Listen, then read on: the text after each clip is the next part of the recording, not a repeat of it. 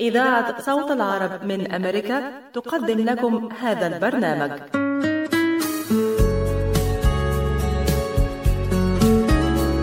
القهوة عالم يجمعنا بناس نشوفها نحبها ومن جوه قلوبنا تفوت.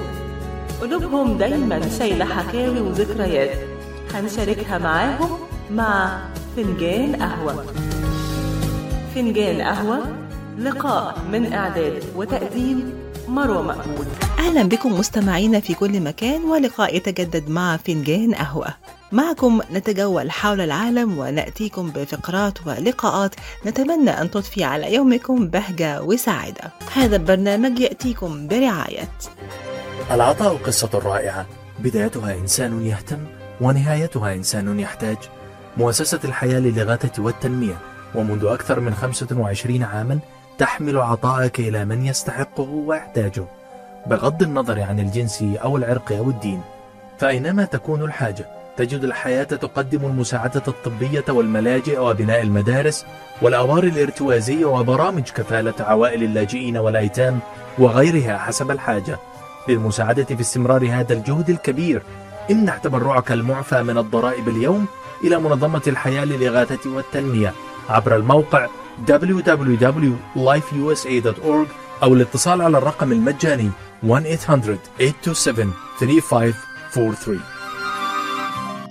مرحبا سعيد. أهلا علا. ليش هالمقابلة الفاترة هي بيقول المثل لاقيني ولا تغديني. يمه زعلتي. شنو رأيك إذا لقيتك وأيضا غديتك بأحسن مطاعم ميشيغان مطعم اشتاه والله فكرة. أفضل الأطباق والمقبلات العربية والعراقية وأحلى ملقى ولا تنسين اللحوم الطازجة مباشرة من ملحمة عشتار لزباين عشتار. وملحمة عشتار توفر اختيارات متنوعة من كافة أنواع اللحوم وبأسعار متميزة وجودة أيضا مميزة. ملحمة عشتار تقع على 36865 Ryan Road في مدينه ستيرلينغ هايتس وأكيد أحلى لمة وأطيب لقمة في مطعم عشتار اللي عنوانه 3625 15 Mile Road في مدينة ستيرلينغ هايتس هاتف 586-698-2585 586-698-2585 يلا علا. يلا عشتار للجودة وكرم الضيافة عنوان. مطعم عشتار. الهالوين هو احتفال يقام في دول كثيرة حول العالم ليلة 31 أكتوبر من كل عام. ويشمل العديد من الخدع والتقاليد الغريبة مثل طقس يعرف باسم خدعة أم حلوى والتنكر في زي الهالوين والتزين ونحت القرع ووضع الفوانيس تعرف بفوانيس جاك. إلى جانب مشاعر الإضاءة وزيارة المعالم السياحية المسكونة وقراءة القصص المخيفة وأيضا مشاهدة أفلام الرعب. وتعتبر الساحرات اللاتي يطرن في الهواء على المكانس صورة أيقونية مرتبطة بالهالوين لكن من أين جاء ارتباط السحر والمكانس ببعضهما البعض؟ من الصعب الوصول إلى إجابة سهلة على هذا التساؤل لأن كلاهما له فولكلور يعود إلى مئات السنين. يقول البعض أن الهالوين بدأ مع السلتيون أو قبائل السلتيك ويقال لهم أيضا شعب الكلت. وهم الآن في بريطانيا وأيرلندا وفرنسا وكانوا يحتفلون بمهرجان يسمى سوين منذ حوالي 2000 عام. وكان يقع بعد انتهاء موسم الحصاد وبداية أيام الشتاء المظلمة وزيادة طول الليل وكان بالنسبة لهم رمزا لبداية عام جديد. وكان هذا أيضا هو الوقت الذي يتواصل فيه الناس مع الموتى وبمرور الوقت تم إلحاق كائنات أخرى خارقة للطبيعة مثل السحرة والعفاريت بالهالوين. في حين أن للساحرات تاريخ مختلف فواحدة من أوائل النساء التي تم تسميتهن بالساحرة كانت ميديا التي تم تحديدها في الأساطير اليونانية. لكن فكرة الساحرة التي تمارس السحر أصبحت موضع تركيز في الفترة الرومانية عندما قيل أن السحرة ارتكبوا فظائع بتشويه الجثث وأكل مقل عيون الموتى. تضمنت إحدى النظريات حول طيران السحرة في السماء على عصا المكانس حديثا عن شيء يسمى المرهم الطائر. وجاءت الفكرة من ساحر يسمى أبرامالين الذي كتب في القرن الثالث عشر أن السحرة كانوا يفركون مزيجا من الأعشاب والزيت أو الدهون على عصا ثم يركبونها. وربما اشتمل هذا المرهم على نبات يسمى مندراجورا وهو نبات مهلوس والذي ربما أعطى النساء والذي ربما أعطى النساء انطباعا بأنهن كن يطرن. وبمجرد انتشار أخبار هذه التجارب انتشرت الفكرة. هناك أيضا كتاب من تلك الحقبة الزمنية يدعم الفكرة القائلة بأن النساء المتهمات بالسحر كن يفرقن شيئا على العصا. ويتضمن السحر الأيرلندي وعلم الشياطين قسما عن واحدة تسمى أليس كيلترير التي اتهمت بالسحر حوالي عام 1324 وعندما تمت مداهمة منزلها عثرت السلطات على أنبوب مرهم كانت تستخدمه لهذا الغرض. ولازلنا معكم مستمعينا في فنجان قهوة. ونحلق معكم حول العالم وجولة بين الأخبار الغريبة والطريفة. نبدأها معكم من الولايات المتحدة الأمريكية وتقرير يفيد بأن نيفادا تعتبر الولاية الأكثر إثارة للخوف في البلاد.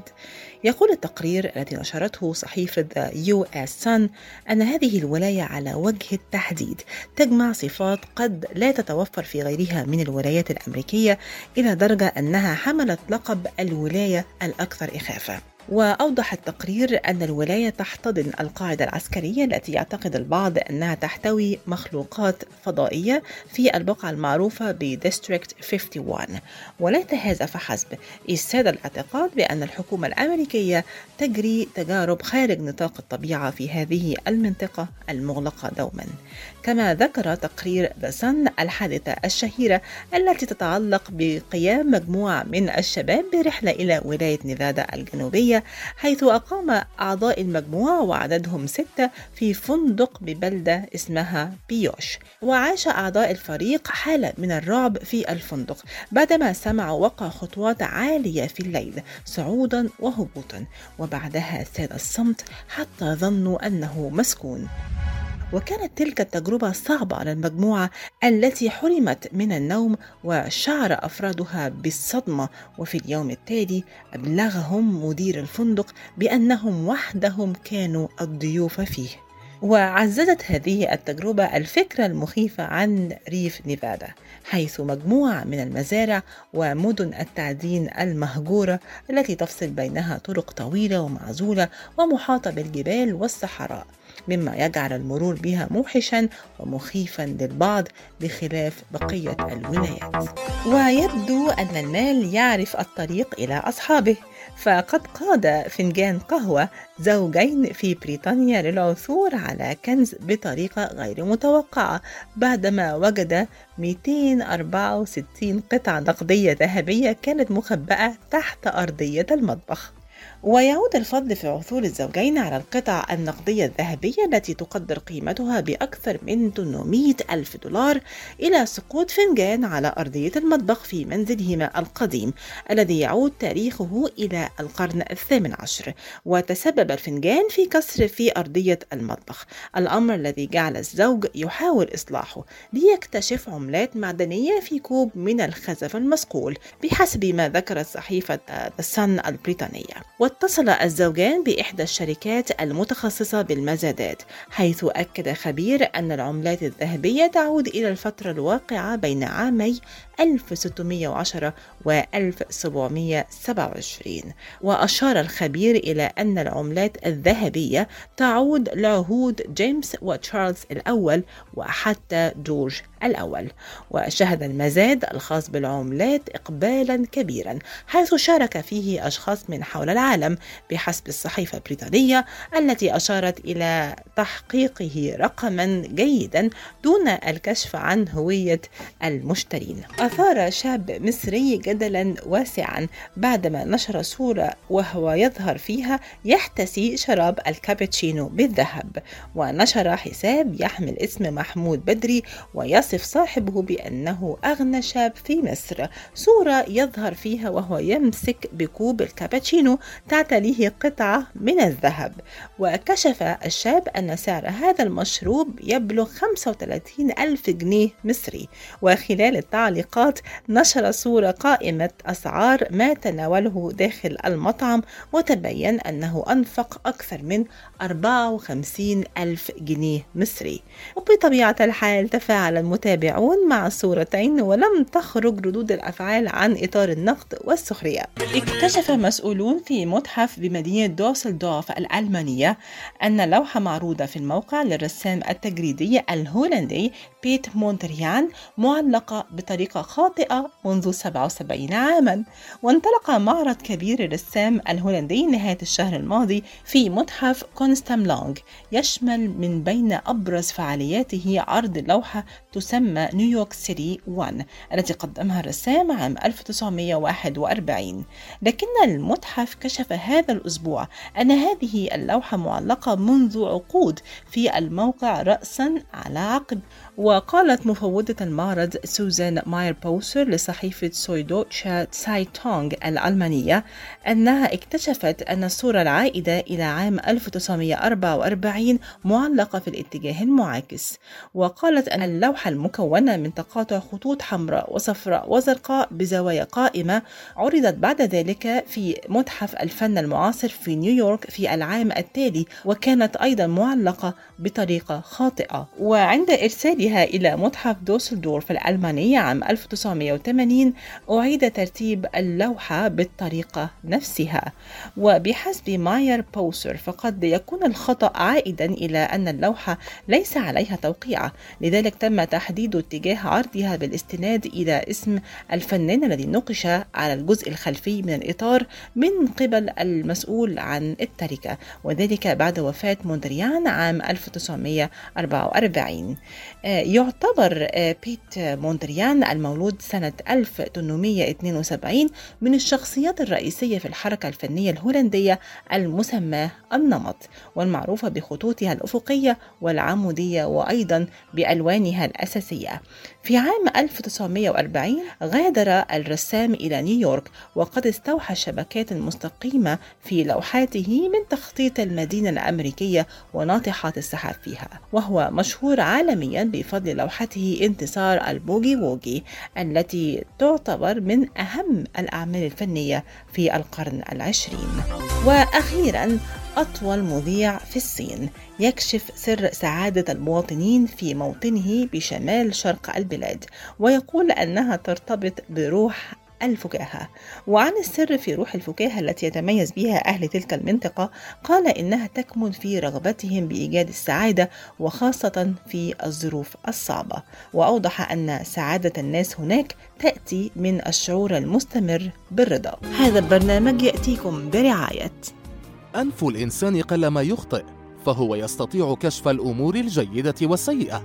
لذلك يستطيع أنفك التمييز إن كان ذلك الاحتقان الذي تشعر به مجرد نزلة برد أو حساسية أو كوفيد 19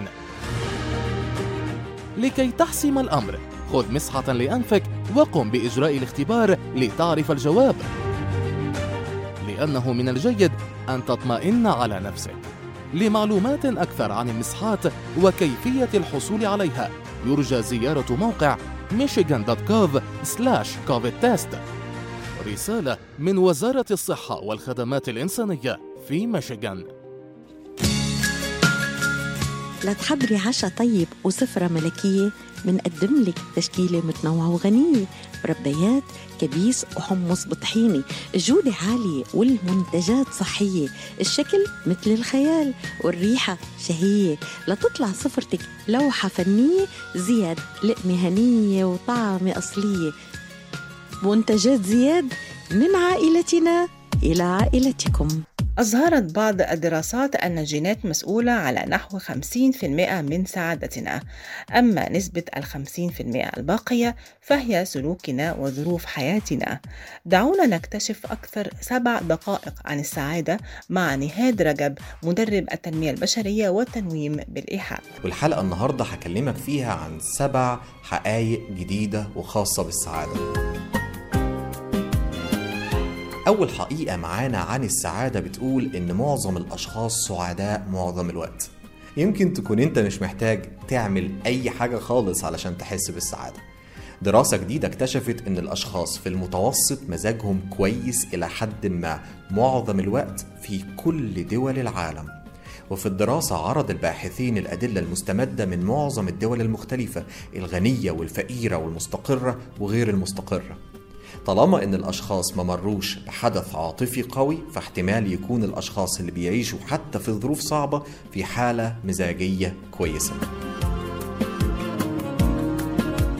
تاني حقيقة معانا من حقائق السعادة بتقول إن تراجع منتصف العمر أمر طبيعي. بيقل مستوى الرضا عن الحياة في منتصف العمر ودي معلومة كلنا عارفينها.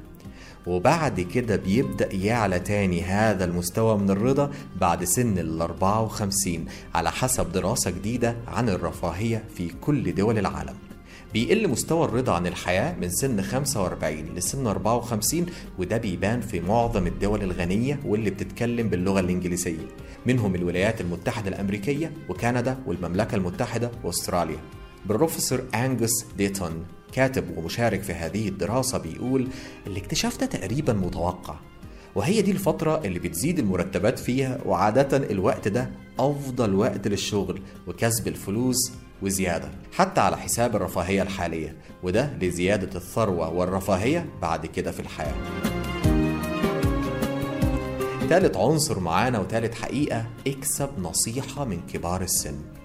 دراسة جديدة توصلت إنه مع تقدم العمر بيحس الأشخاص بمتعة زيادة في التجارب اليومية.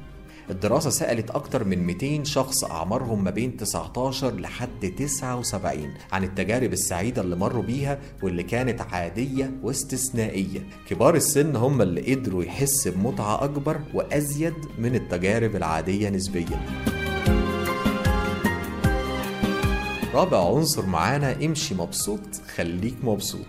المعروف لما نكون في مزاج كويس أسلوبنا في المشي معناه تمثيل اللي إحنا بنحس بيه. بنتحرك لقدام مع كتافنا لورا بنهز إيدينا بطريقة تخلي اللي قدامنا يعجب بيها. أحيانا من خلال مشيتنا بس بيبان للناس اللي بنحس بيه أكتر ما بيبان لينا إحنا. وفي دراسة جديدة لقت إن الطريقة دي بتنجح برضه في الاتجاه المعاكس. بحيث إن الأشخاص اللي بيمثلوا أسلوب سعيد وهم بيمشوا من غير ما يعرفوا إن هم بيعملوا كده بيلاقوا نفسهم أكثر سعادة عن غيرهم.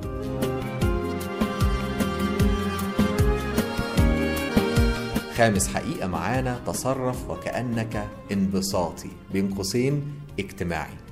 دراسة حديثة أكدت أن التصرف كواحد منبسط واحد اجتماعي حتى لو أنت كنت انطوائي بيخلي الأشخاص في كل دول العالم بيحسوا بسعادة أكبر. بتيجي النتائج من دراسات استقصائية اتعملت على مئات الأشخاص في الولايات المتحدة الأمريكية، فنزويلا، فلبين، الصين، اليابان.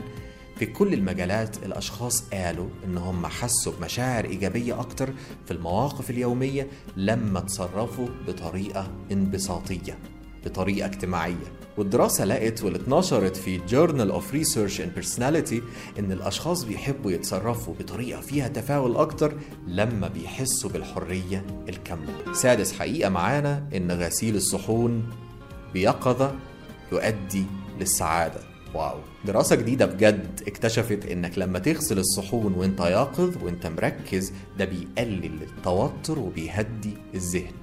الأشخاص ركزوا في الدراسة على ريحة الصابون وشعور الأطباق وملمس وشكل الصحون علشان ده يساعدهم إن هم يدخلوا في حالة من اليقظة والانتباه. سابع حقيقة معانا بتقول إن السعي إلى الشعور بالرغبة يؤدي إلى السعادة. اللحظة العجيبة دي. لما تصادف حاجة غريبة أو قوية أو جميلة أو مهيبة ممكن يكون ليها تأثير ترانسفورميشنال تأثير تحولي على شخصيتك وحياتك. هذا البرنامج يأتيكم برعاية. تحس إنه إيديك عم تنمل أو كتفك عم يجمد أو أصابعك عم تورم وما عم تقدر تشتغل فيهم مثل ما بتريد. مرحبا أنا الدكتور عبد المجيد قطرنجي. زورونا بموقعنا الإلكتروني www.kachanjihandcenter.com لتتعرفوا على كيفية العلاجات لإصابات اليد والكتف والكوع. وإن شاء الله تقدروا تشاركونا بافتتاح مركزنا الجديد في تروي ميشيغان. ونتمنى لكم العفو والعافية. للمواعيد زورونا في عيادتنا الواقعة على 1565 في مدينة تروي البناء F أو اتصلوا بنا على الرقم 248-869-4263 That's 248-869-4263 مركز طب رهاب للعلاج الطبيعي بإدارة الدكتور محمد فرح حسين. أخصائي العلاج الطبيعي بخبرة أكثر من 13 عاما. طب رهاب يقدم خدمات العلاج الطبيعي وإعادة التأهيل ويضم مجموعة من أفضل أخصائي التشخيص الدقيق للحالات المرضية مع خبرة عالية في التعامل مع الحالات التي تحتاج إلى إعادة تأهيل وعناية خاصة بعد العمليات والكسور. طب رهاب يستقبل كل الحالات المتعلقة بألم الرقبة، الظهر، المفاصل، شلل الوجه، الانزلاق الغضروفي، عرق النساء، الحوادث وإصابات العمل. خبيرات في المعالجة النسائية لخصوصيات تامه للسيدات. عندما تبحثون عن رعاية متميزة اقصدوا توب ريهاب للعلاج الطبيعي الواقع على 15001 ميشيغان افنيو وللمواعيد اتصلوا على 313 846 0555 That's 846 0555 تستعد وزارة السياحة والآثار المصرية للاحتفال بمرور 100 عام على اكتشاف أهم مقبرة فرعونية في العصر الحديث وهي للملك الشاب توت عنخ آمون بمدينة الأقصر جنوب مصر. وذلك لما ضمته من كنوز وأسرار ثمينة كأول مقبرة يتم اكتشافها على هيئتها الكاملة من دون أن تمس من لصوص على مدار السنوات الماضية. تضم المقبرة أكثر من خمس آلاف قطعة أثرية معظمها من الذهب الخالص. أعطت صورة كاملة عن حياة المصرية القديم وأحيط اكتشافها بالجدل والاهتمام العالمي طوال هذه السنوات.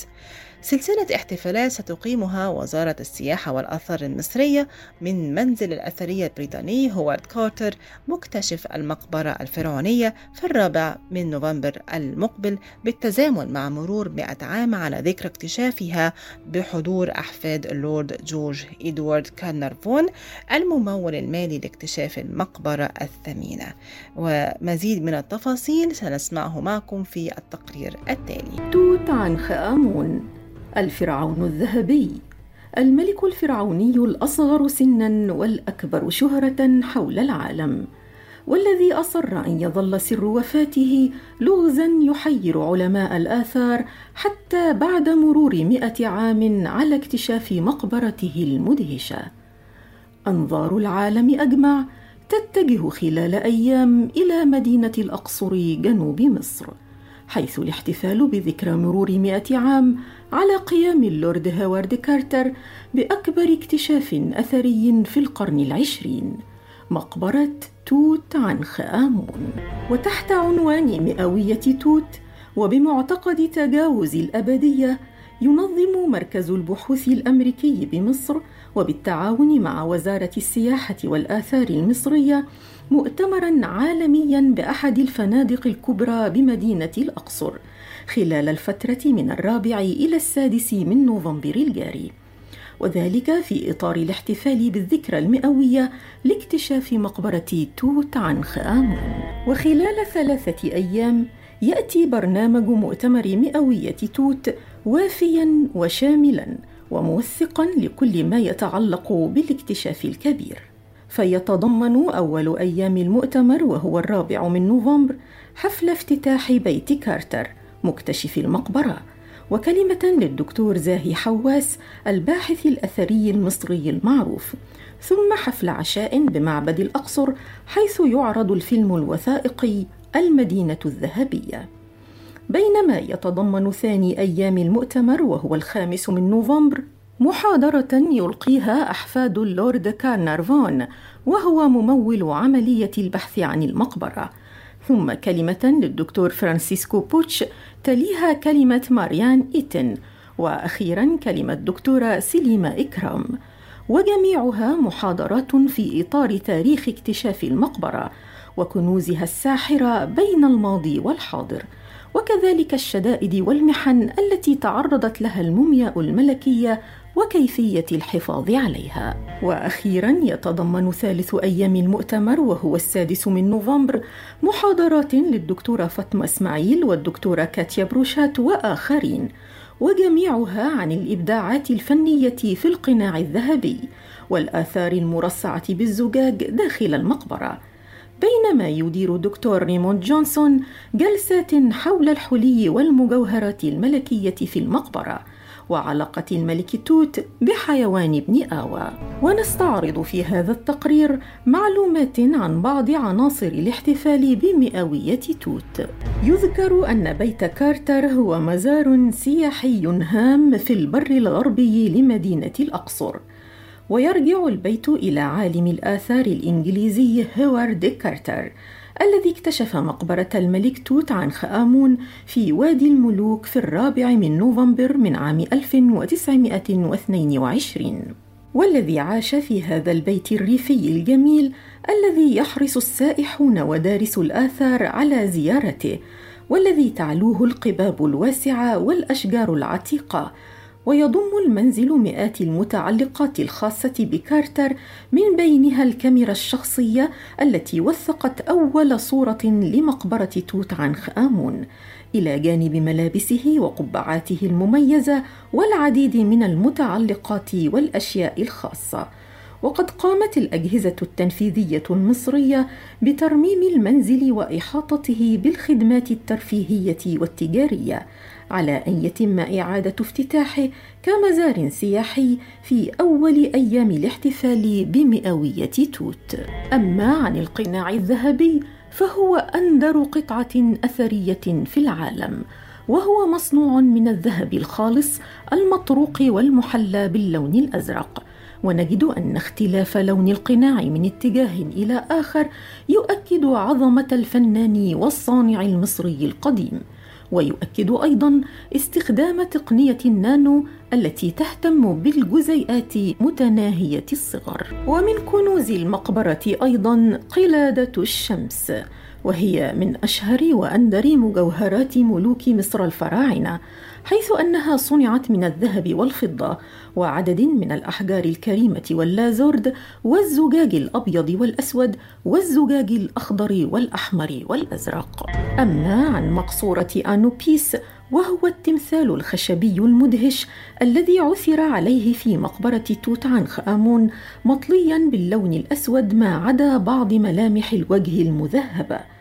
ومصمما على هيئة حيوان ابن آوى فهو من أكثر القطع الأثرية التي يقصدها السائحون داخل المتحف المصري. وبالرغم من أن ابن آوى هو رمز إله التحنيط عند الفراعنة وكان لابد من وجود تمثال له في المقبرة كحارس آمين على محتوياتها إلا أن المعتقدات الخاصة بلعنة الفراعنة والتي انتشرت عند اكتشاف مقبرة توت عنخ آمون منذ مئة عام ما زالت تلقى أصداء عند الكثيرين الذين يروجون إلى أن انتشار حيوان ابن آوى ذي اللون الأسود بين المقابر والآثار في البر الغربي ما هو إلا قوى خفية للملوك الفراعنة تسخر هذا الحيوان لحماية مقابرهم وآثارهم. وفي الأخير لا يسعنا سوى الترقب والفضول تجاه مدينة الأقصر.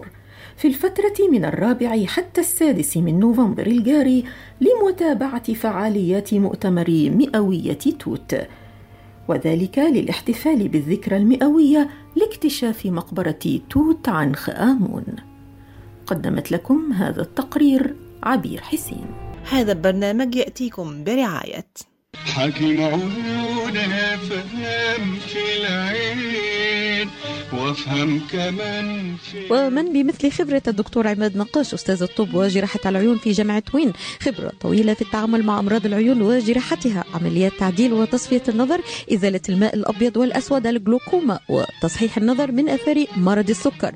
كادر متخصص ومتدرب لخدمتكم. شعبة متخصصة للنظارات الطبية والهندسة اللاصقة يقبلون معظم أنواع التأمين الصحي زوروهم في عيادتهم الواقعة على جنار والناين مايل في مدينة هيزل بارك للمواعيد اتصلوا على 248 336 3937 248 336 3937 أو عيادتهم في راجستر هولس للمعلومات اتصلوا على 248 299 3937 248 299 3937 في مثل هذا اليوم الأول من شهر نوفمبر مرت على العالم العديد من الأحداث المهمة على مر التاريخ. منها افتتاح دار الأوبرا الخديوية في مصر وإعلان مصطفى كمال أتاتورك قيام الجمهورية التركية وإلغاء النظام السلطاني بصفة رسمية واندلاع الثورة الجزائرية والتي أدت إلى استقلال الجزائر. ومزيد من التفاصيل والأحداث نستعرضها معكم مستمعينا في الفقرة التالية. شهد يوم الأول من نوفمبر العديد من الأحداث المهمة على مر التاريخ.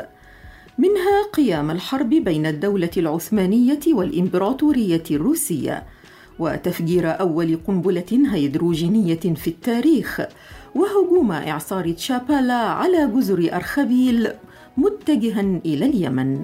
وفي الدقائق التالية نستعرض معكم المزيد في مثل هذا اليوم الأول من نوفمبر من عام 1179 تتويج فيليب الثاني ملكا على فرنسا. وفي العام 1623 هزم فخر الدين المعني أمير الشوف في جبل لبنان جيشا بقيادة والي دمشق مصطفى باشا.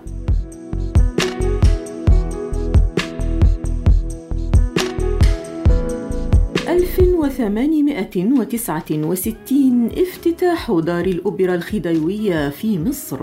وفي العام 1897 تأسيس نادي اليوفنتوس الإيطالي لكرة القدم. 1908 السلطان عبد الحميد الثاني يعين الشريف حسين أميرا على مكة. 1911 إلقاء أول قنبلة من طائرة حربية إيطالية. وذلك خلال الحرب العثمانية الإيطالية. 1922 مصطفى كمال أتاتورك يعلن قيام الجمهورية التركية وإلغاء النظام السلطاني بصفة رسمية. 1927 مجلس النقد الفلسطيني يصدر الجنيه الفلسطيني.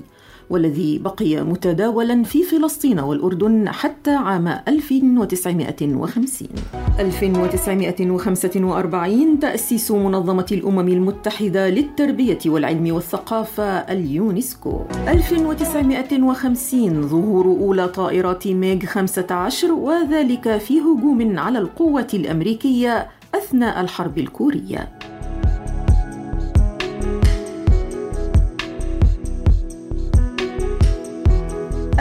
1952 الولايات المتحدة تفجر أول قنبلة هيدروجينية في التاريخ وذلك بجزيرة أنيتوك حيث وصف تفجيرها بأنه أقوى من وهج ألف شمس وقد أحرق أرض الجزيرة تماما. 1954 اندلاع الثورة الجزائرية والتي أدت إلى استقلال الجزائر. 1962 الاتحاد السوفيتي يطلق أول مركبة فضائية إلى المريخ.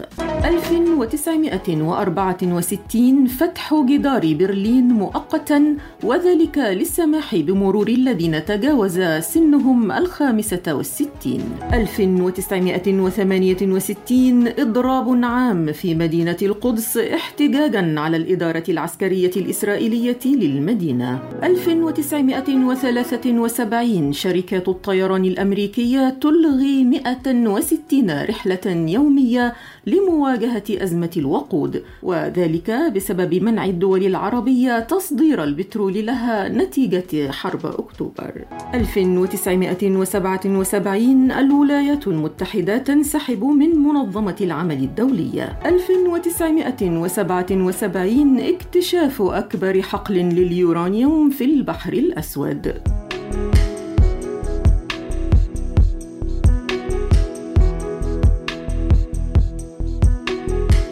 1982 مصر تفوز بعضوية مجلس الأمن للمرة الرابعة في تاريخها. 1990 جامعة الدول العربية تبدأ العمل رسميا من القاهرة بعد عودتها إليها من مقرها المؤقت في تونس. ومن مواليد الأول من نوفمبر الملك لويس الثاني ملك فرنسا في العام 846 وكذلك سبنسر بيرسيفال رئيس وزراء المملكة المتحدة في العام 1762 وأخيرا في الأول من نوفمبر من عام 1994 بدأ الاحتفال لأول مرة باليوم العالمي للخضريين.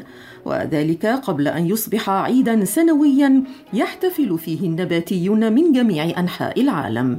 وقد تأسس هذا الاحتفال على يد المغنية الإنجليزية الناشطة في مجال حقوق الحيوان في بريطانيا لويز واليس والتي أصبحت فيما بعد رئيس جمعية النباتيين في المملكة المتحدة. قدمت لكم هذا التقرير عبير حسين. لا زلتم معنا مستمعينا على أثير إذاعة صوت العرب من أمريكا وبرنامج فنجان قهوة. النهاردة هناخدكم في رحلة مع كتاب قوة الآن أو The Power of Now اللي بيعتبر من أروع الكتب في مجال تطوير الذات والفكر الفلسفي للكاتب الكندي الشهير إيكرت تول. الكتاب تم إصداره سنة 1997 وتم ترجمته لأكثر من 30 لغة.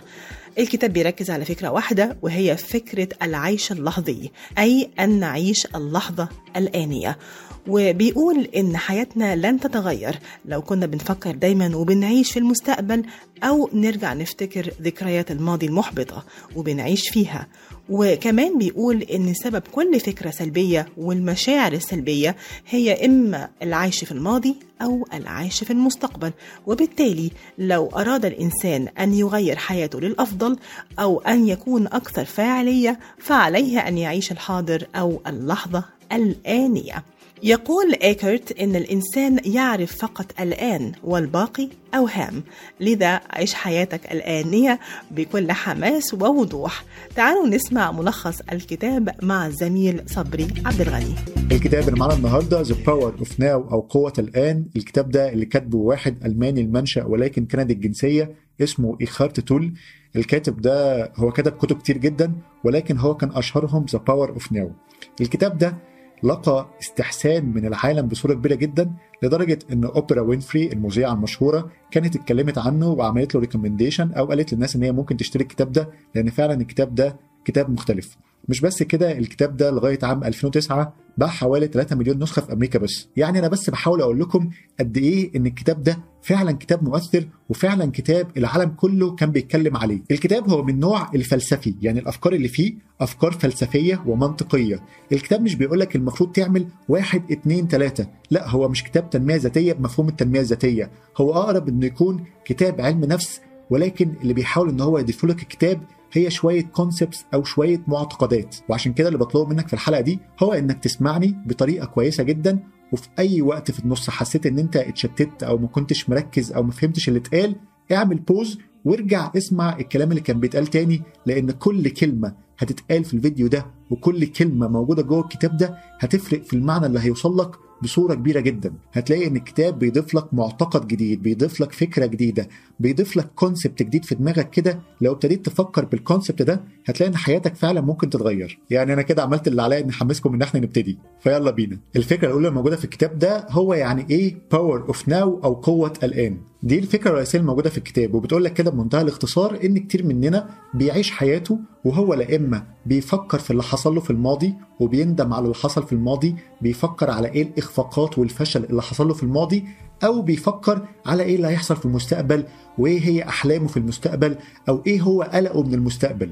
فالناس لا إما بتفكر في الماضي لا إما بتفكر في المستقبل. وبالتالي أنت مش عايش اللحظة اللي هي قلقان. الكتاب كله مبني على الفكرة دي. إنك ما تعيش في الماضي بأوجاعه بآلامه بأي إخفاقات فيه بأي تجربة فيه وما تعيش برضه في المستقبل بأي طموحات زيادة أو بأي توقعات معينة أو بأي قلق منه أو بأي حاجة من الحاجات دي. بمعنى أصح هنعيش اللحظة اللي إحنا موجودين فيها ودي هتبقى تركيزنا الأساسي. وده لأن على كلام الكاتب مفيش حاجة أصلا اسمها ماضي ومفيش حاجة اسمها مستقبل. الكونسبت ده أو المعتقد ده غير موجود في الحياة. الحياة تساوي اللحظة اللي أنت عايشها دلوقتي. إنما اللحظة بتاعت الماضي واللحظة بتاعت المستقبل دي لحظات مش موجودة في الحياة. دي لحظات ملهاش أي وجود وملهاش أي قيمة. آه أنت ممكن تكون التجارب اللي قبل كده في الماضي سببت لك إنك تتصرف بأسلوب ما في المستقبل أو في الحاضر بتاعك. ولكن الماضي ده كفكرة الماضي هو غير موجودة. أنت ما تقدرش تغير فيها حاجة وكذلك المستقبل. الحياة كده عاملة كأنك ماسك كاميرا.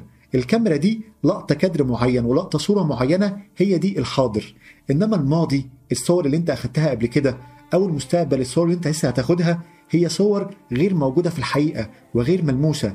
ففكرة إن أنت تضيع من عقلك وتضيع من طاقتك إنك تقعد تفكر في حاجة قديمة أو تفكر في حاجة هتحصل ده معناها إن أنت مش موجود في كادر الصورة اللي موجود دلوقتي. أنت لا تعيش الحياة طالما أنت مقيد بفكرة الماضي أو فكرة المستقبل. في الوقت بقى اللي أنت تبتدي فيه تركز على الحاضر بتاعك تبتدي تبان بجد بقى قدراتك الحقيقية وتبتدي تستمتع بالحياة وتبتدي تكون مبسوط بدرجة كبيرة.